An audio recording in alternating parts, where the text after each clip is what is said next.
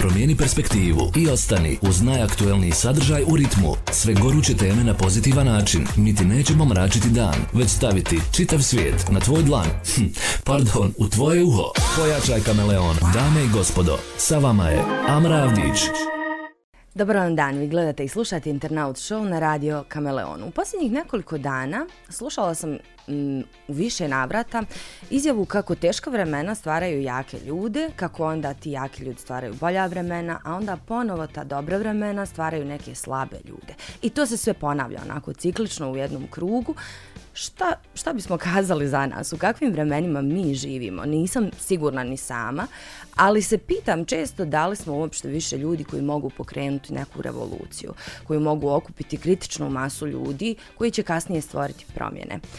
Makar znam da u svom studiju trenutno imam ljude koji to pokušavaju napraviti i prave već određeni a, niz godina. Sa mnom u studiju ekipa Karton Revolucije, a, Adi Selman, Nedim Musić, dobar dan, dobrodošli.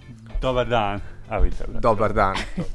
Evo, e, ne znam kako, kako biste vi nekako deklarisali ova vremena. Živimo li mi u dobrim vremenima, ako uzmemo obzir da nam je puno toga dostupno, ili su opet ovo neka vremena koja zaista traže revoluciju? E, mi smo došli do jedne stavke gdje se više ne može nazad. E, što god pogledamo, nešto nam je možda očiglednije, nešto manje očigledno, ali više se ne može nazad.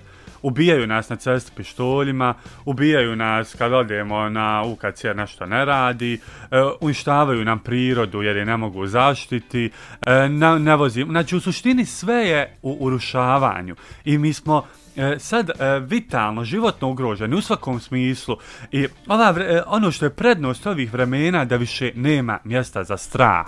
Jer E, u dobrim vremenima ima mjesta za strah, pa izgubit ću, ne znam, e, nešto, a, vi, a mi sad smo došli u situaciju da ćemo izgubiti život.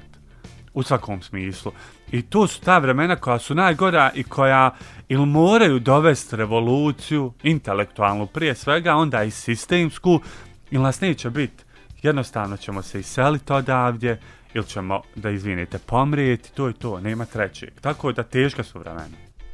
Ja, e, u svom uvodu spomenula si kako sumnjaš da se može nešto promijeniti. Ja bih zamolio i tebe sve gledatelje da ne sumnjaju nikad, jer mi ako izgubimo nadu da se nešto ovdje može pr promijeniti, svi možemo samo kofere i preko granice. Ma vidi, ne bih rekla da sumnjam, ali mi je taj upitnik iznad glave i mi se zapravo i poznajemo međusobno jer se često susrećemo u nekim akcijama koje da li pokrenete vi, da li pokrene neko drugi, treći i dolazimo mi na te i proteste razno, raznorazne, ali uvijek se zapitaš šta poslije ovog. Ali hajde da se mi nekako malo o karton revoluciji posvetimo.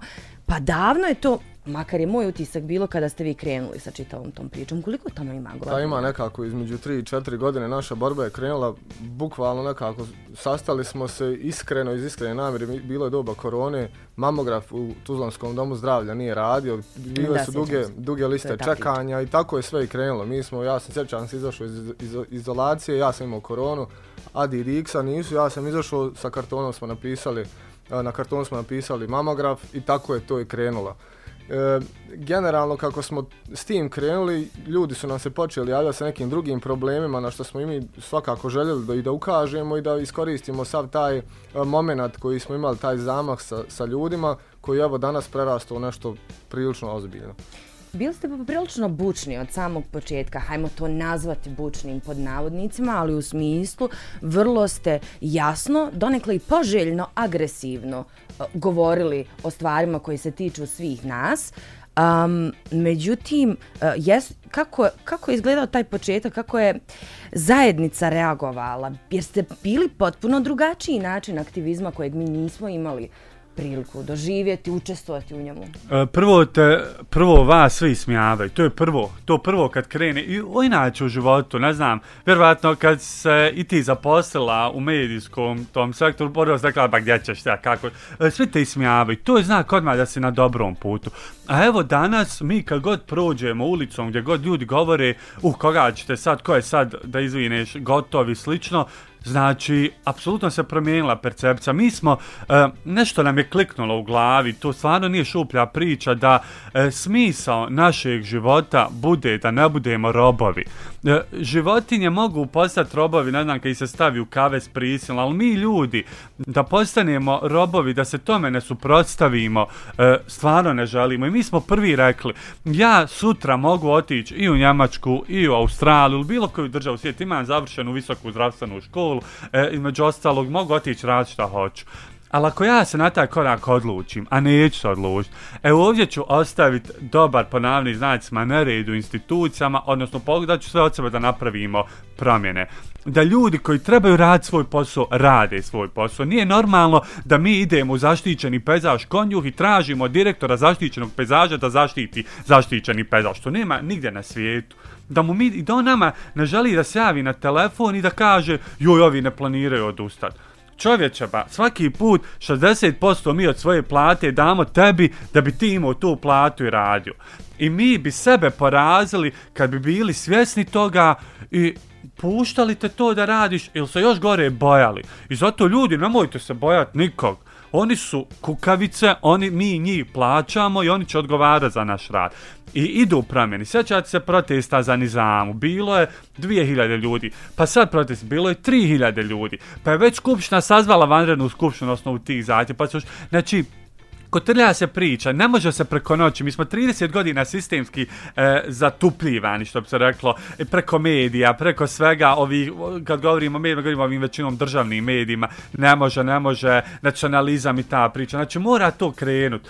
I ja vjerujem da hoće. I stvarno, mi radimo ovo iz ideje i vjerujem i radit ćemo uvijek dok smo tu, a odlučili smo za sad da budemo vječno tu ako se nešto ne promijeni, to je ta u stvari naša priča. Da li vam se desilo um, da vas je neko od ljudi koje ste prozvali i pozvali na odgovornost uh, da vas je pozvao na neki razgovor i da je tu bilo spremnosti za dijalog i potencijalno pronalaženje rješenja. Ovi priča sa šta se dešava?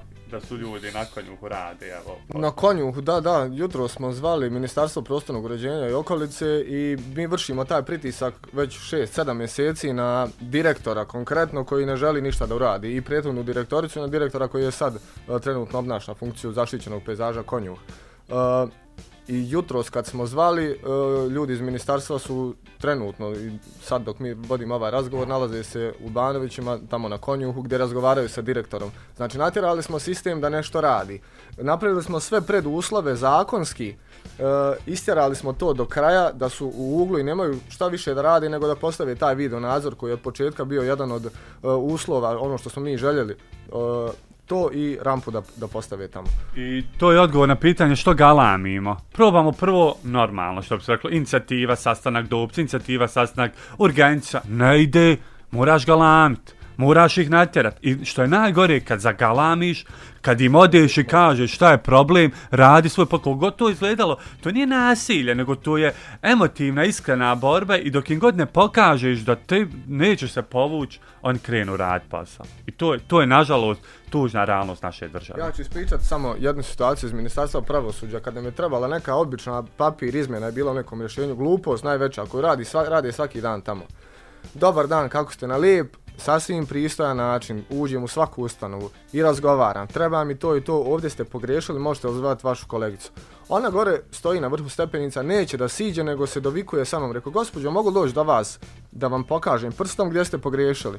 Šta ćeš ti meni silaziti? I onda to u meni izazove revolt, kao što bi u svima izazvalo taj, taj neki e, nasilni gen i počinjem galami tamo, počinjem govoriti kako ljudi idu iz države zato što oni što im je mrsko, što neće da razgovaraju sa ljudima, što, im je, što griješe, neće da priznaju grešku, zalupim vrata, sutradan dođe neko od mojih kolega i završi to odmah.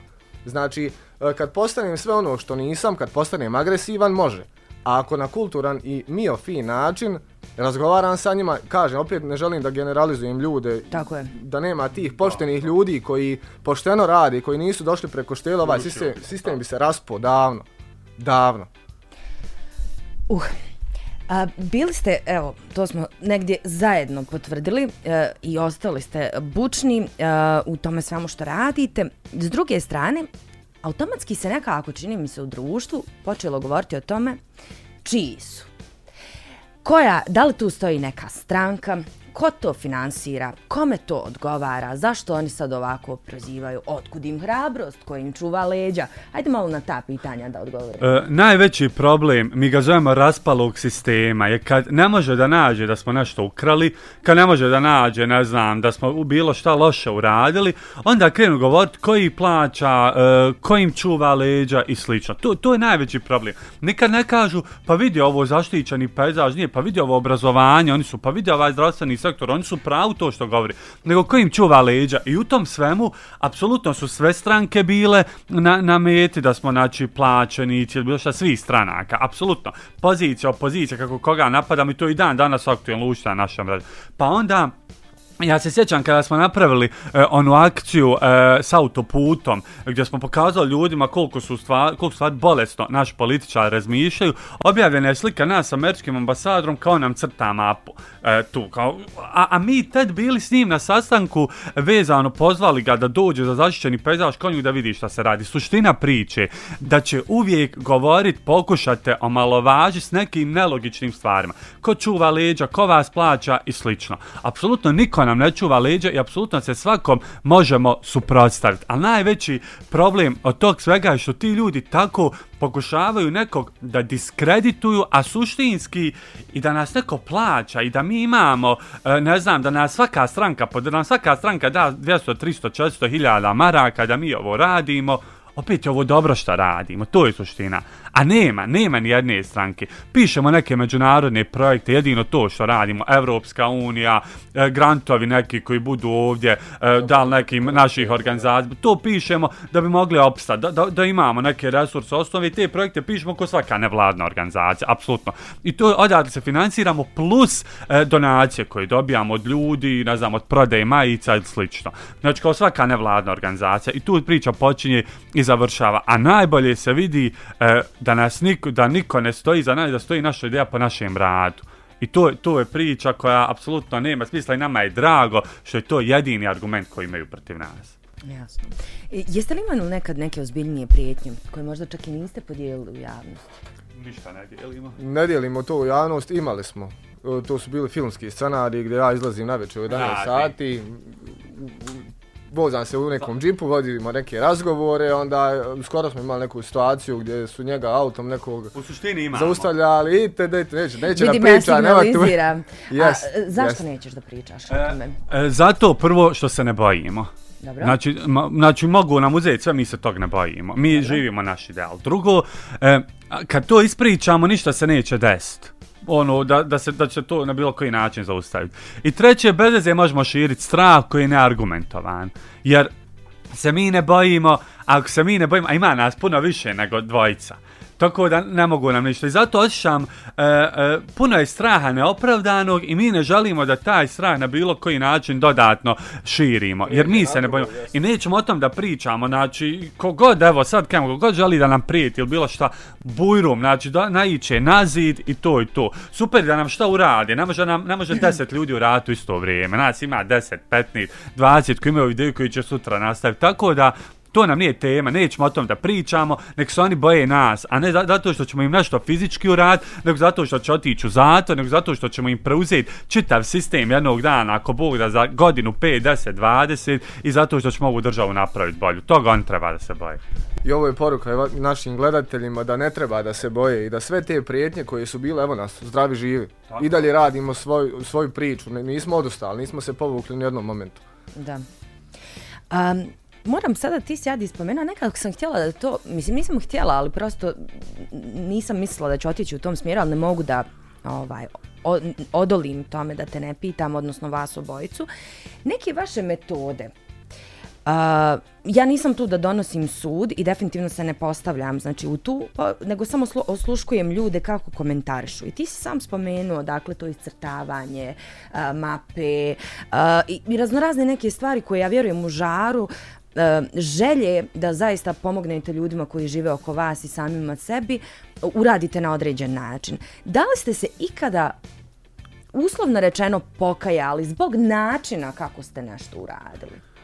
E, sad kada bi razmišljao ne bi mogao naći da smo se ikad pokali. Ono što mi radimo je da puno puta preispitamo to što radimo. I mi smo svjesni da sve ima, može se gledati iz različitih uglova.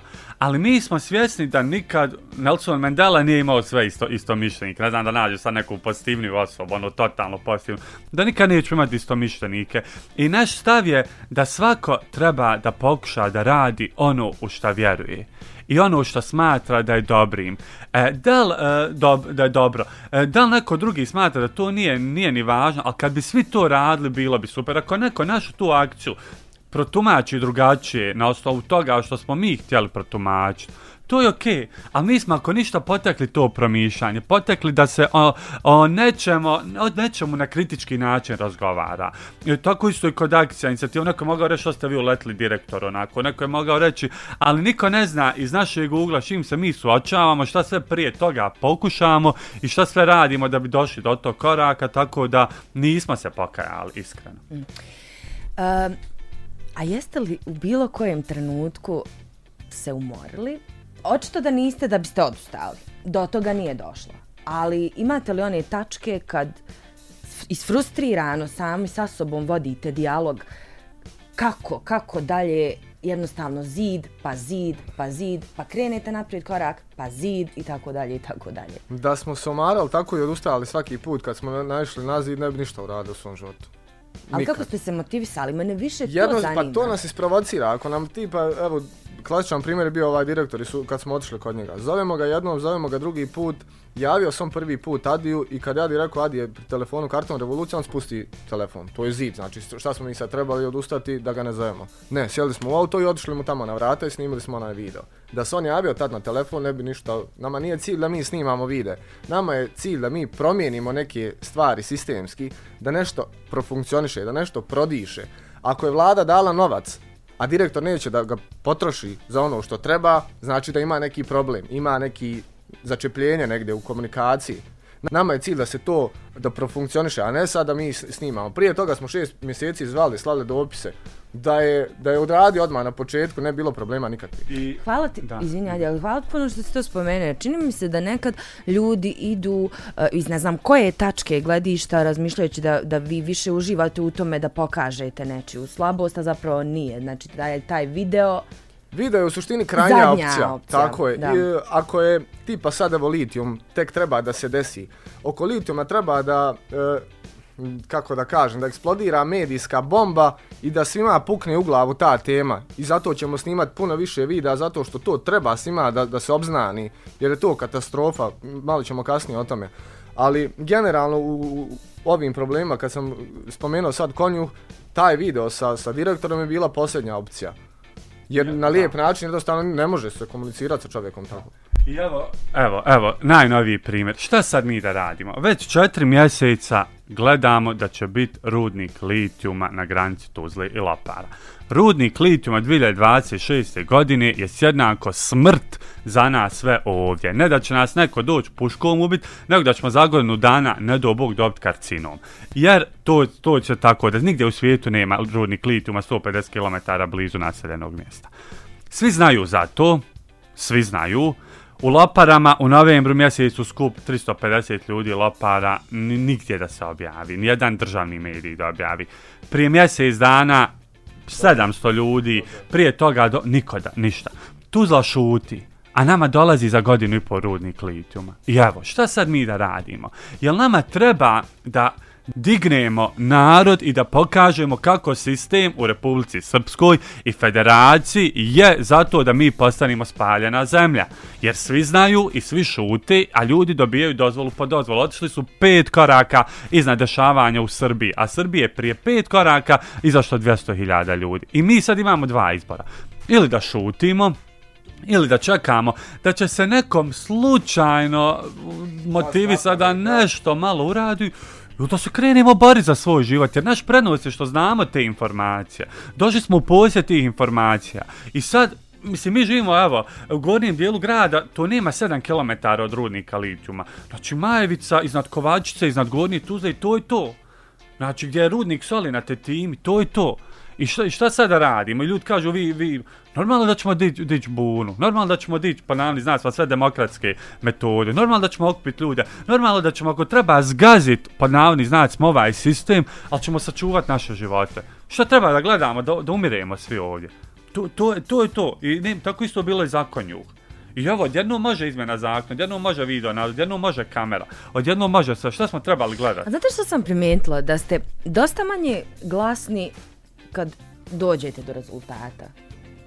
Nije baš da se hvalite Pa, tim. pa to jest, to jest e, tako, e, jer mi nismo neko ko ne znam treba da glasove dobije na ovom.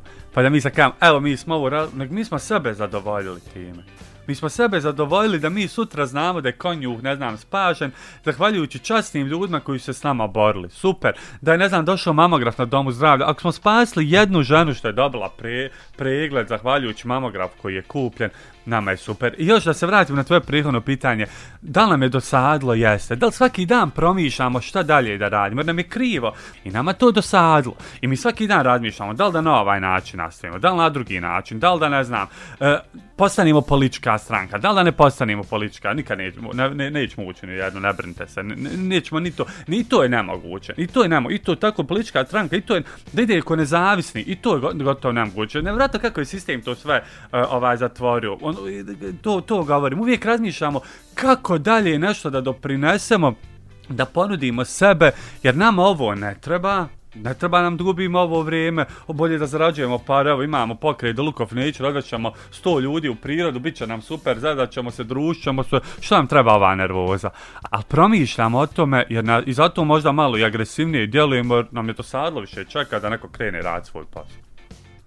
Ja ću samo iz profesionalnih razloga da kažem da bilo ko koga ste spomenuli možda u ovom našim razgovorima apsolutno otvorena vrata da dođe i da kaže svoju stranu priče i To svoj stav na kraju super. dana.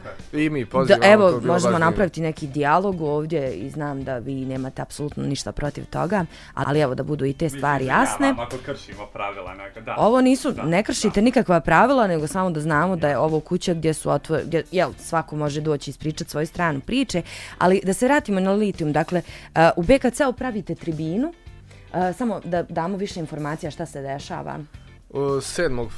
Pođeš februara, Marta. 7. marta u Bosanskom kulturnom centru u Tuzli planiramo, e, napravit ćemo, već smo organizovali sve javnu tribinu na temu iskopavanja litijuma i otvaranja litijuma 2026. godine u Loparama, na granici Lopara i Tuzle. U suštini taj rudnik je bliži dijelovima Tuzle, evo od samog centra, bliži nam je rudnik litijuma nego tipa naselje Mramor što je zabrinjavajuće. Ukoliko se otvori taj rudnik, mi se svi možemo iseliti iz ove regije jer je to katastrofa. E, imat ćemo govornike iz e, Srbije, iz Bosne i Hercegovine i planiramo da napravimo, odnosno da započnemo tu kampanju pričanja i zagovaranja borbe protiv ru- otvaranja rudnika litijuma. E, I već ono što je super, već imamo ispunjen, ja mislim, BKC. Krivo nam je što ne možemo, ima koncert jedan u Mejdanu, ne možemo u Mejdan. Ali to je dokaz e, da imamo e, zajedno s nama narod, dijeli mišljenje, imamo moć naroda. I kad dođe, ne znam, dođe profesor Ratko Ristić s univerzitetu u Beogradu, dođe Aleksandar Jovanović Uta, narodni poslanik koji je e, na onom diktatorskom režimu u Srbiji napravio otpor koji je mnogo e, opasniji možda od ovog našeg, jer kod nas je to rasjepkano na milion dijelova. Doći profesor Baljan s univerziteta u Sarajevu na Šumarskom fakultetu i kad mi s tim ljudima e, e, oplemenimo druge ljude da dobiju informacije, da dobiju konkretne informacije o tome što se dešava, mi pravimo pobjed, jer će nakon te javne tribine biti hiljadu i po, dvije hiljade objavit ćemo i na internet, bit će i mediji, ljudi kojim će doći ta informacija, koji ćemo moći dalje povesti u borbu za opstanak. Jer ovo je rat, mi smo na mapi spaljene zemlje. Samo što nam ne dolazi niko s puškom, nego dolaze, idemo rudnik, idemo ovo, idemo ono i doviđenja prijatno. Tako da, to je 7. marta i pozvali bi sve da dođu koji su zainteresovani i izvinuli bi se onima koji nam budu mogli ući. Ali će moći pratiti sigurno putem online. Tako da očekujemo da će biti puno. Um, kako u svemu ovome, ali hajde zaista budite, ko što uvijek jeste, iskreni, kako kroz svu ovu vašu borbu prolaze vaše porodice? I nemojte mi dati društveno prihvatljiv odgovor, nego Pa kroz na početku, na svo ovo početku- vrijeme šta zaista? Na početku su bili dosta zabrinuti, obzirom da smo spominjali imena i uvijek smo ih spominjali imenom i prezimenom odgovorne osobe za koje smatramo i za koje smo dokazali da su one u suštini odgovorne. E, zna, nameće se to mišljenje da su opasani, ova ova ima nekog i uvijek se to bila nekako obstrukcija na početku. Sad već znaju šta radimo, znaju koliko podršku imamo, sad i mi imamo podršku i porodice, tako da je to bez, bez problema. Moja apsolutna podrška je to i to. Sve, sve super, što bi se reklo. Ide. Društveno ide. prihvatljivo. je. Društveno prihvatljivo. Društveno prihvatljiv prihvatljivo. odgovor. Um, zašto mladi i kada pomisle da nema poente izaći na ulicu, kako je to samo još jedan protest u nizu, kako je to samo još jedno okupljanje u nizu, zašto ipak trebaju obući svoju jaknu i izaći na ulicu? E, zato što će, ukoliko ne izađu na ulicu, nažalost, koliko god volimo pričati direktno, e, svojim tijelom napuniti ili grobno mjesto na nekom grobu ili otići iz ove države. Jer, da ponovim, ubit će ih rudnik litijuma, ubit će ih loš zdravstveni sistem čekanja listi, ča, na listi čekanja, ubit će ih to što nemaju vode, sve. Tako da, to je to. Nema dalje. I on trebaju postati svjesni toga. Trebaju postati svjesni toga da kad dođe moment da se trebaju liječiti, možda opet neće raditi taj aparat. Trebaju postati svjesni da kad dođe rudnik litijuma, to je ono cjelokupna katastrofa. I tako da, ako oni ne žele da podrže i našu borbu i svoju borbu i bilo koga, super ne žele za dvije godine, tri godine, lijepo ili će otići tamo negdje ili će nažalost ovdje završiti kako će završiti jer je sistem lagano nas zatvara i mi smo e, ne može 30 godina ništa da se ne radi sve da propada da svi sjede direktori ovi oni ministri da postaje svako ministar. Ne može to 30 godina da traje a da se ništa na kraju ne uruši. Da to nije normalno ne može Njemačka to sve super rad, a pa mi, ne znam, sad kako se postaje ministar, ej, hoćeš postati ministar, ne znam, za svemir, pa mogu bi, što ja, ministar, o, i tako, ne, ne može to, nije to normalno. Tako da, ili će se borit, krenut za nama ili za bilo kim koji ćemo ih usmjeriti, krenut za tobom. Krenut za bilo kim koja, evo, putem medija i na ulici, aktivizam, isto, isto, apsolutno isto, naša ideologija ista. Znači, pravda, tačka, nema dalje. I to je to, tako da to je naša poruka.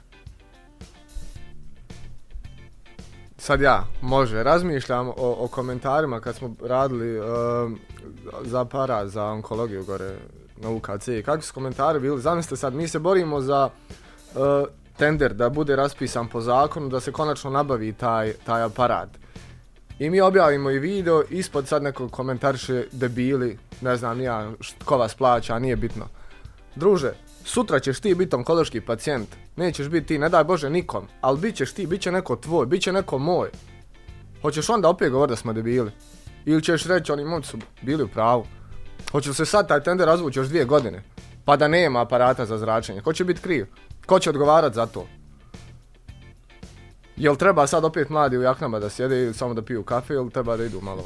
I ono, Da izvin, izvin, ono što je bitno, mi nismo, nas ovo e, ne trošim, ovo radimo iz ljubavi. Ovo malo kada emotivnije razgovaramo, to je super, ali to je isto jako važna poruka. Mi ovo radimo iz ljubavi, potpuno relaksiramo, volimo ovo da radimo i to je poenta da se nećemo umoriti da ovo radimo, jer mi dok trčimo, ne znam, na planini, mi smislimo ideju šta bismo mogli da uradimo, tako da to je super stvar i znamo to usmjeriti na pravi način. Nismo ono, lu beze pričamo ništa konkretno, nego idemo konkretno, polako, lagano. Borba za konju u dvije godine, dvije godine, ali nakon dvije godine bit će. Borba za mamograf godinu, bi, znači ništa nije za sedmicu, ali će biti na kraju sve. Hvala vam za ovaj otvoren razgovor. Mislim Hvala da smo Hvala na poziv. Hvala i vama što ste bili uz nas. Vjerujem da ćete svoje zaključke izvući sami. Ostanite uz Radio Kameleon. Promijeni perspektivu i ostani uz najaktuelniji sadržaj u ritmu. Sve goruće teme na pozitivan način. Mi ti nećemo mračiti dan, već staviti čitav svijet na tvoj dlan. Hm, pardon, u tvoje uho. Pojačaj kameleon. Dame i gospodo, sa vama je Amra Avdić.